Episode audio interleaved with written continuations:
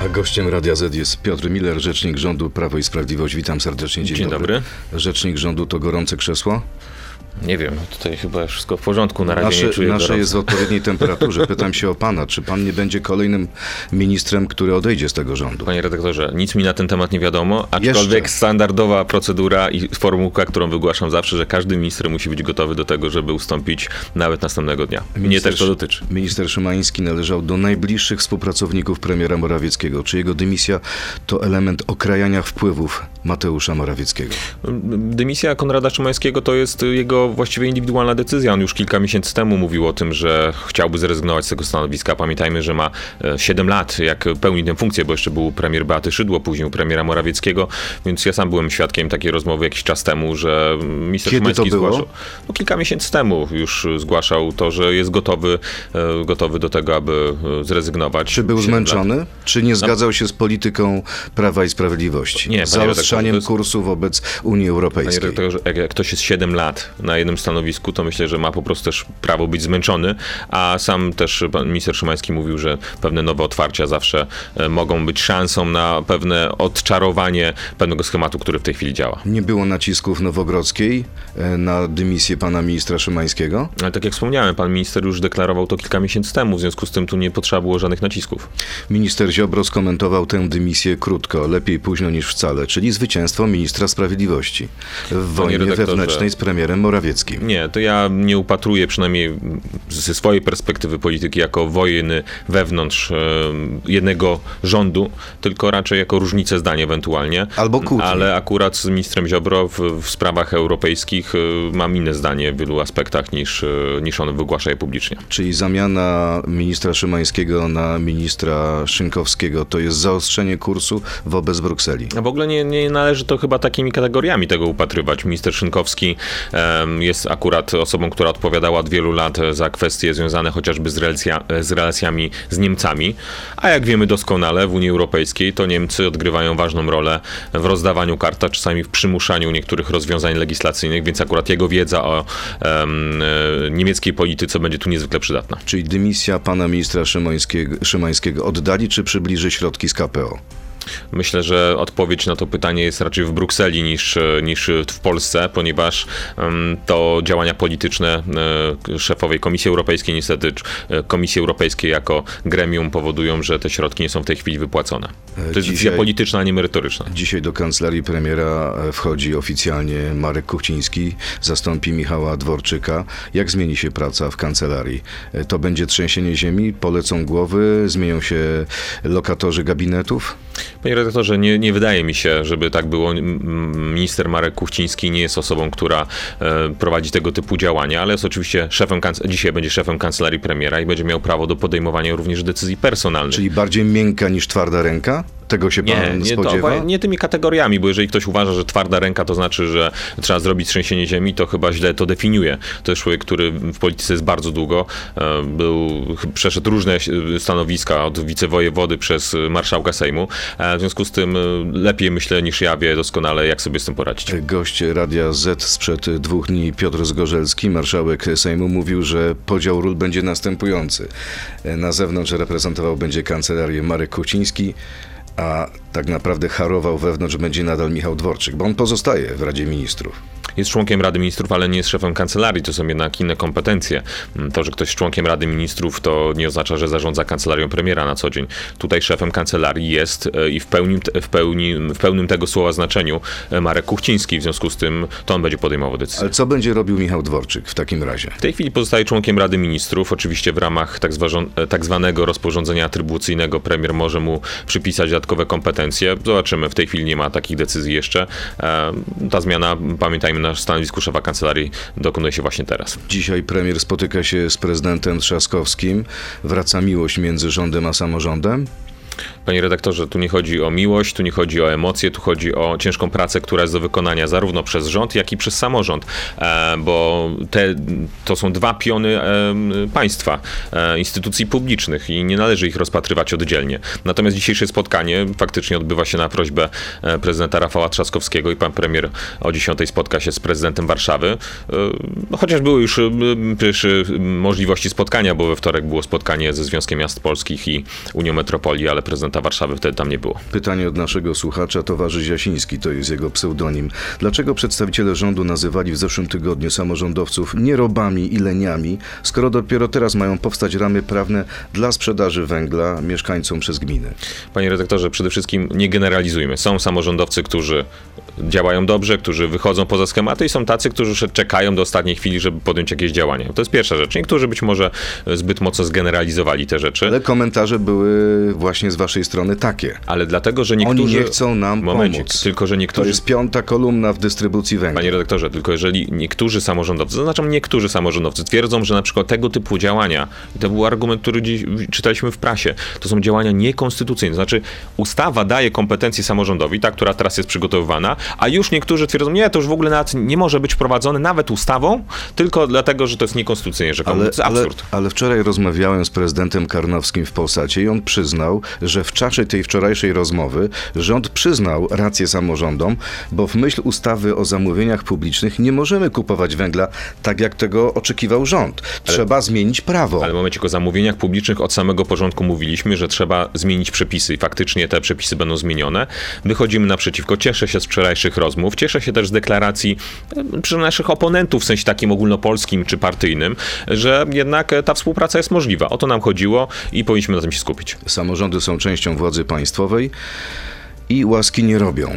To słowa prezesa Kaczyńskiego. Ale panie redaktorze, jeżeli... Znowu dorzucił do pieca? Nie, nie dorzucił do pieca, tylko trzeba powiedzieć wprost. Jeżeli jest sytuacja, w której e, są określone trudności dla państwa, dla obywateli, to rolę i odgrywa rząd i samorząd. Bo nie może być tak, a najchętniej niektórzy, niektórzy zaznaczam znowu, samorządowcy stwierdziliby, że to, co jest dobre i jest sukcesem, to jest zasługa samorządu, a to, co jest złe, to zawsze jest wina rządu. To jest bardzo wygodna wymówka, bardzo wygodna. Na szczęście większość samorządowców tak nie uważa, tylko jest chętna do tego, żeby realizować wspólnie nasze, e, wspólne e, działania dla obywateli. Czy może pan zapewnić naszych słuchaczy, że węgiel, jeśli pojadą jutro na składy, będzie tam, na nich czekał? Panie redaktorze, to zależy w którym części kraju, bo właśnie na tym polega dystrybucja, problem dystrybucji węgla, że w tej chwili tą ustawą tworzymy kolejne ramy, aby ten węgiel był jak najbliżej Nie za późno, obywateli. mieliście na to kilka dobrych miesięcy. Może trzeba było się zastanawiać przed wprowadzeniem embarga na rosyjski węgiel. Panie redaktorze, no przed wprowadzeniem embarga na, na, na rosyjski węgiel, to tuż przed tym wybuchła wojna, więc naprawdę właśnie to był powód przecież embarga na rosyjski węgiel. Naprawdę każdy, który teraz twierdzi, że da się z wyprzedzeniem przygotować na każdy scenariusz, no delikatnie Pamięta mówiąc pan, nie było przegląda. takie pismo pani minister Moskwy pod koniec lutego, czyli zaraz po wybuchu wojny, e, informujące premiera, że mogą być problemy. Panie redaktorze, i dlatego w czerwcu bodajże przyjęliśmy pierwszą ustawę, która miała na początku przymusić firmy, i to się niestety nie udało. Między lutym a czerwcem to sporo miesięcy. Nie, no, ale jest. momencik, wtedy jeszcze nie było problemów z węglem, jeżeli chodzi o zapotrzebowanie krajowe. I stworzyliśmy ustawę, która miała dopłacać przedsiębiorcom. Niestety oni nie zgłosili się w takim szerokim zakresie, jakim e, planowaliśmy i stworzyliśmy wtedy dodatek węglowy, a teraz tworzymy mechanizm jeszcze dystrybucji na terenie kraju. No, Panie ministrze, reagować trzeba, nawet jeżeli coś się wcześniej nie A udało. propos wojny słowa Władimira Putina, to Polska zyskała na sabotażu Nord Stream. W końcu rośnie geopolityczne znaczenie pozostałych systemów gazowych, mówi Putin. Przechodzą przez terytorium Polski i Ukrainy. Wszystkie kiedyś zostały zbudowane przez Rosję za jej własne pieniądze. Co Panie redaktorze, to? no, Władimir Putin będzie cały czas ponosił argumenty geopolityczne, tworzył ym, kłamstwa, które będą na jego użytek. E, Myślę, że jego słowami nie ma co się w tej chwili przejmować, tylko skupiać się na tym, aby pomóc Ukrainie od, e, odzyskać tereny, które Rosja zajęła. Wykluczamy y, działanie osób trzecich, jeśli chodzi o rozszczelnienie y, rurociągu przyjaźń. W tej chwili ostatecznie tego wykluczyć nie możemy, choć na ten moment y, nie ma dowodów na to, żeby takie działania były podjęte przez osoby trzecie, ale tak jak pan wie, to mogą być różnego rodzaju działania, które dopiero wychodzą później, ale na ten moment takich dowodów nie ma. A w tym momencie przechodzimy do tak zwanej krótkiej piłki, czyli kilku krótkich pytań, na które pan może odpowiedzieć jedynie tak albo nie. Jest pan gotowy? Postaram się. No to zacznijmy od y, nieco prywatnego pytania. Czy pańska niedawno poślubiona żona postawiła panu warunek? Okej, wyjdę za ciebie, ale musisz mniej pracować. Tak czy nie? Nie, nie postawiła takiego. Wyrozumiała. Czy był plan wymiany premiera? Nie, w sensie nie, nie było wymiany, plan, planu wymiany, ale kogo plan? O, Plan wymiany premiera Morawieckiego. Ale przez kogo? Przez kierownictwo takiego- Prawa nie, i Sprawiedliwości. nie było takiego planu. A przez wicepremiera Sasina? Nic mi na ten temat nie wiadomo, nie. Czy nowy szef kancelarii Marek Kuciński ma większy talent organizacyjny niż Michał Dworczyk, tak czy nie? Panie redaktorze, jak dwa takie duże talenty porównywać? Tak czy nie? Ale nie mogę takich, takich rzeczy zrobić. Ale Trudno umawialiśmy się na metodę. Tak czy nie? porównać. Musiałby pan jeszcze raz powtórzyć mi to pytanie. No dobrze. Czy nowy szef kancelarii Marek Kuciński ma większy talent organizacyjny niż Michał Dworczyk? Tak, Tak. tak, wierzę w to. Ciekaw, co na, ciekawe, co na to Michał Dworczyk. Czy premier Mateusz Morawiecki i wicepremier Sasin bardzo się lubią? Tak czy nie?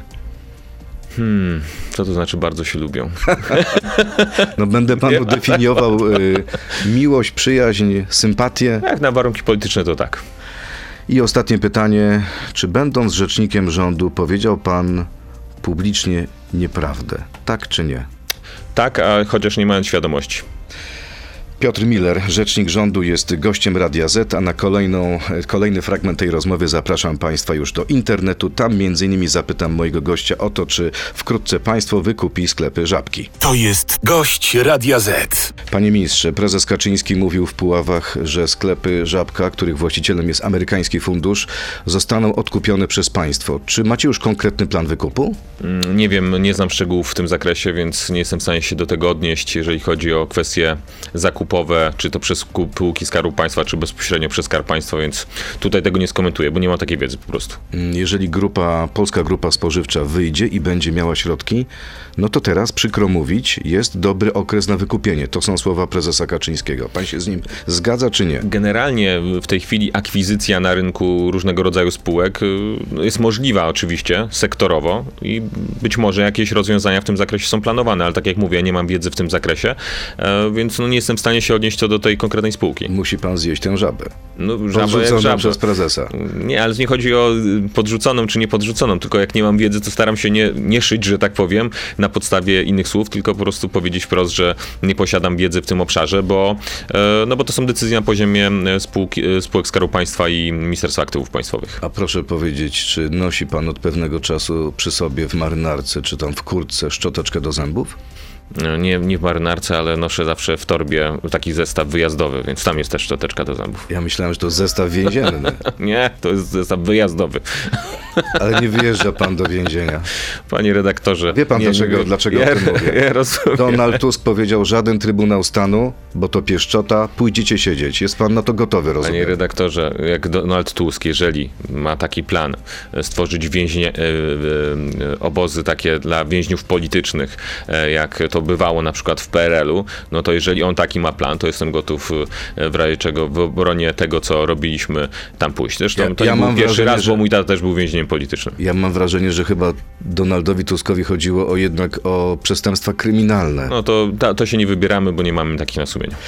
E, Rosja bestialsko atakuje ukraińskie miasta, a w tym czasie premier Morawiecki bredzi na zlocie proputinowskich partii o Unii Europejskiej jako transnarodowej bestii. Gorzej nie można. To słowa również Donalda Tuska. Czy premier Morawiecki naprawdę uważa, że Unia to transnarodowa bestia albo zamienia się w taką bestię? Panie redaktorze, my jesteśmy od samego początku, i to jest w programie Prawa i Sprawiedliwości, przeciwnikiem powstania superpaństwa Unii Europejskiej. Jesteśmy przeciwko Europie, która miała być superpaństwem kosztem kompetencji państw mm, członkowskich. Ten wymiar, który jest w tej chwili, jest wystarczający, a w niektórych obszarach nawet Unia Europejska niestety wychodzi poza traktaty. Ale jest różnica sensie- między e, określeniem Unii superpaństwem a transnarodową bestią. No Tylko panie redaktorze, niestety to, co się dzieje w niektórych obszarach funkcjonowania Unii Europejskiej, przypomina działania, że tak powiem, no przynajmniej takie, które wykraczają poza Bestii? standardy. Można nazwać Pewnej bestią? bestii, która próbuje poszerzać swoje kompetencje. Tak. Co w chce sensie tak. połknąć bestia? Na przykład chociażby kwestie związane z regulacją wymiaru sprawiedliwości, chociażby kwestie związane ze sprawami ideowymi, chociażby kwestie związane z e, całościową polityką energetyczną e, kosztem no, tych państw, które e, chociażby w ramach polityki klimatycznej, pomimo tego, że miks energetyczny powinien być kompetencją własną kraju członkowskiego, to wszystko jest omijane różnymi sztuczkami prawnymi przez e, organy Unii No Europejskiej. dobrze, ale odchodzący minister Konrad Szymański wcale nie wyrażał się nigdy o Unii Europejskiej per transnarodowa bestia, czy też przekształcenie się w taką bestię. Wręcz niedawno powiedział, że sprawa reformy sądownictwa to jest problem, e, który powinien być odrzucony przez obie strony. Że nie warto go stawiać w relacjach między Warszawą a Brukselą. Panie redaktorze, tylko jest granica, w której można, że tak powiem, dokonać korekt. My dokonaliśmy, dlatego też, że chcieliśmy akurat dokonać izby, w Izbie Dyscyplinarnej zmian, ale dokonaliśmy pewnych zmian, które też były jednym z elementów, które podnosiła Komisja Europejska. I zrobiliśmy to i co? I nadal czekamy na to właściwie, że ktoś zmieni zdanie w Komisji Europejskiej. Tam widać wprost, że to jest kwestia decyzji politycznej, politycznej w tym złym słowa znaczeniu. To znaczy, że to ma charakter pewnego partyjnego w ramach partii europejskich działania, a nie działania merytorycznego. Czy zrezygnowaliście już definitywnie z podatku od nadmiarowych y, zysków y, firm, zwanego też podatkiem Sasina? Zdarza się tak, że niektóre firmy ze względu na tą sytuację międzynarodową mają większe zyski niż wynikałoby to z naturalnych działań gospodarczych i z tego podatku nie zrezygnowaliśmy, natomiast obserwujemy jak wygląda sytuacja e, w poszczególnych sektorach i myślę, że jeżeli będzie to rozwiązanie wchodziło, to właśnie jako podatek sektorowy, e, który dotykałby tych firm, które rzeczywiście mają ponadmiarowe zyski w stosunku do tego, co wynika z ich naturalnych działań rynkowych. Sektorowy, czyli tylko firmy energetyczne, czy także wszystkie inne? nie tylko energetyczne, bo mogą też inne odnosić zyski w tym obszarze, prawda? Dlatego to trzeba zbadać sektorowo yy, i bardzo szczegółowo i to w tej chwili właśnie jest poddawane analizie przez yy, rząd. Czyli nieprawdziwe są te doniesienia, spekulacje medialne, że to już koniec podatku Sasina. Nie, Za wcześnie o nie, tym mówić. Za wcześnie jest, żeby powiedzieć o tym, że e, ten podatek od nadmiarowych zysków e, miałby odejść e, na bok. Natomiast e, prawdą jest to, że nie ma w tej chwili przyjętego tego projektu w takim obszarze bardzo szerokim, jakim być może miał być pierwotnie. A jak to się ma do tego, o czym rozmawialiście wczoraj z samorządowcami, czyli te limity dla odbiorców, e, z jednej strony limity dla odbiorców indywidualnych, już ustawa przeszła, a z drugiej strony cena prądu dla samorządów została zamrożona na poziomie 785 zł. Czyli może to rozwiązanie sprawiają, że ten podatek traci rację bytu. Nie do końca, ponieważ jest tak, że do pewnego limitu, zależnie, może inaczej, zależnie jakie będą ceny oferowane przez spółki energetyczne, jeżeli one będą oscylowały wokół tych kosztów lub będą trochę wyższe, to wtedy budżet państwa nie będzie musiał dużo dopłacać. Natomiast jeżeli te ceny rynkowo będą wyższe, to oznacza, że budżet państwa dopłaca do zabezpieczenia tych taryf, a tego byśmy nie chcieli. Czyli to ma być taki bicz na koncerny energetyczne. Tylko pytanie, czy to ma być podatek, który wejdzie ustawą, czy ciągle będzie się mówić, że lada moment może wejść jak e, nie zrobicie tego, co my chcemy, mówię o koncernach energetycznych, to to zrobimy, tak? No, Chodzi trochę o taki efekt, który osiągnęliśmy w przypadku banków na przykład. Tam e, poprzez te działania poszły w górę oprocentowania na rachunkach. To jest jedna rzecz. No, plus e, innym rozwiązaniem też wakacjami kredytowymi de facto no, sektor bankowy poniósł pewien koszt tego, że zyskuje na okolicznościach geopolitycznych. To jeszcze jedno pytanie od naszego słuchacza o wolność słowa.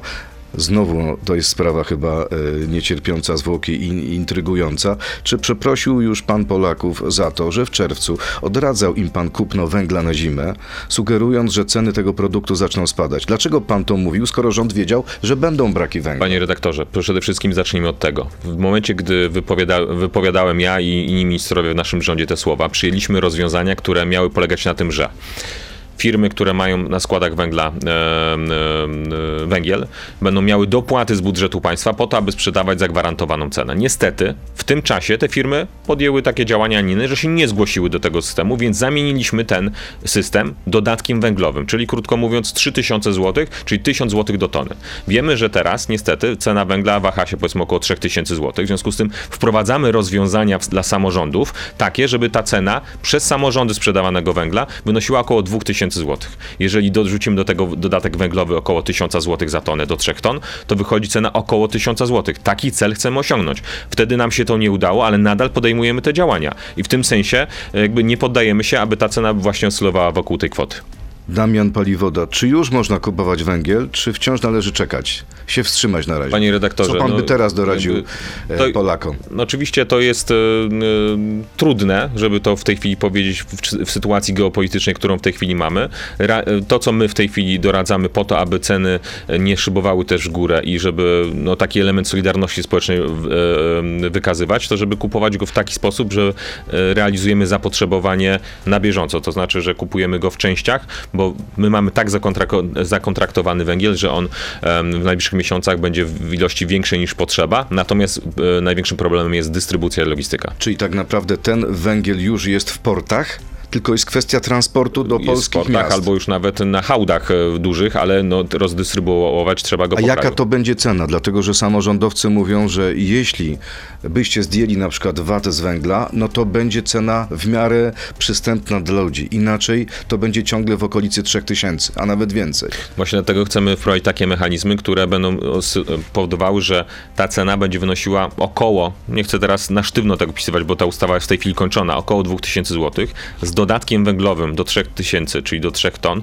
to jest właśnie ta kwota, o której rozmawialiśmy na samym początku, za którą, no jak rozumiem, jesteśmy rozliczani, ale dlatego, tak jak mówię, te działania, które chcemy podjąć samorządami. Ale ten mechanizm to właśnie będzie zerowy VAT na węgiel, czy coś innego?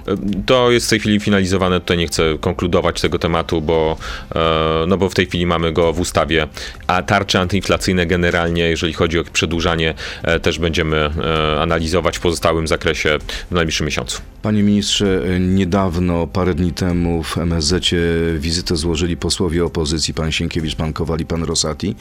No i zobaczyli coś, y, co ich zszokowało. Mianowicie zostali poinformowani, bo nie zobaczyli noty.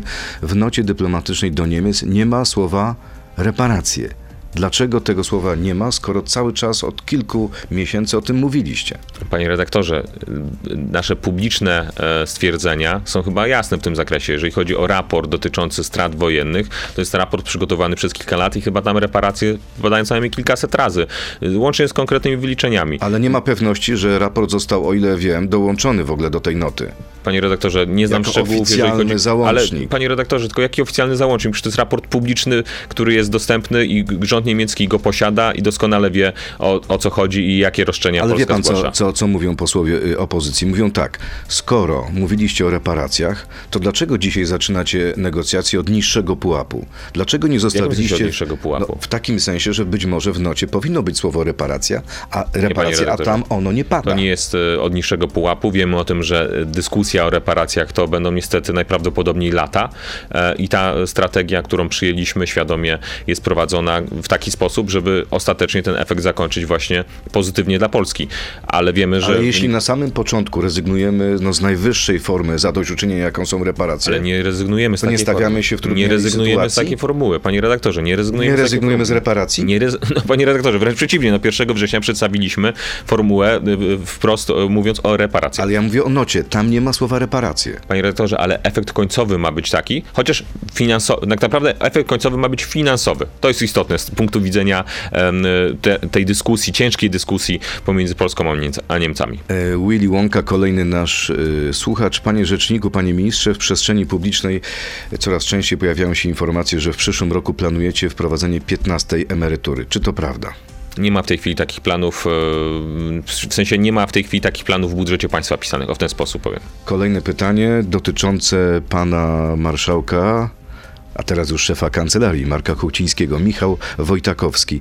Przychodząc do władzy, mówiliście o zmianie podejścia do rządzenia. Koniec z arogancją władzy, mówiliście.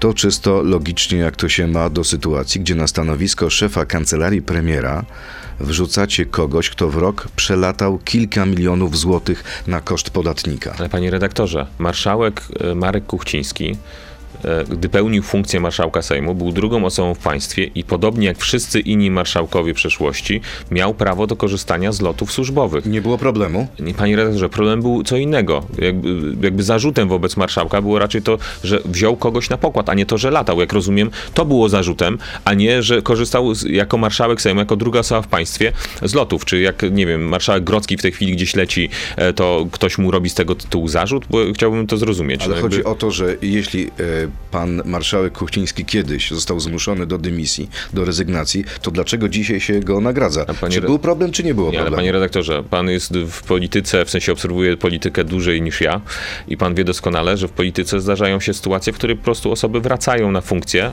in, in, do innych miejsc, e, dlatego że polityka tak niestety wygląda, że czasami jest e, presja medialna na tyle duża, że trzeba się na moment wycofać. Czyli to była malut, malutka wpadka i należy nad nią przejść te- do porządku dziennego. Nie, ja ja tylko chcę y, odnieść się do faktów, bo jak ktoś mówi, że e, Marek Kuchciński nie miał prawa korzystania z lotów lub że e, złamał przepisy prawa, to jest po prostu nieprawda.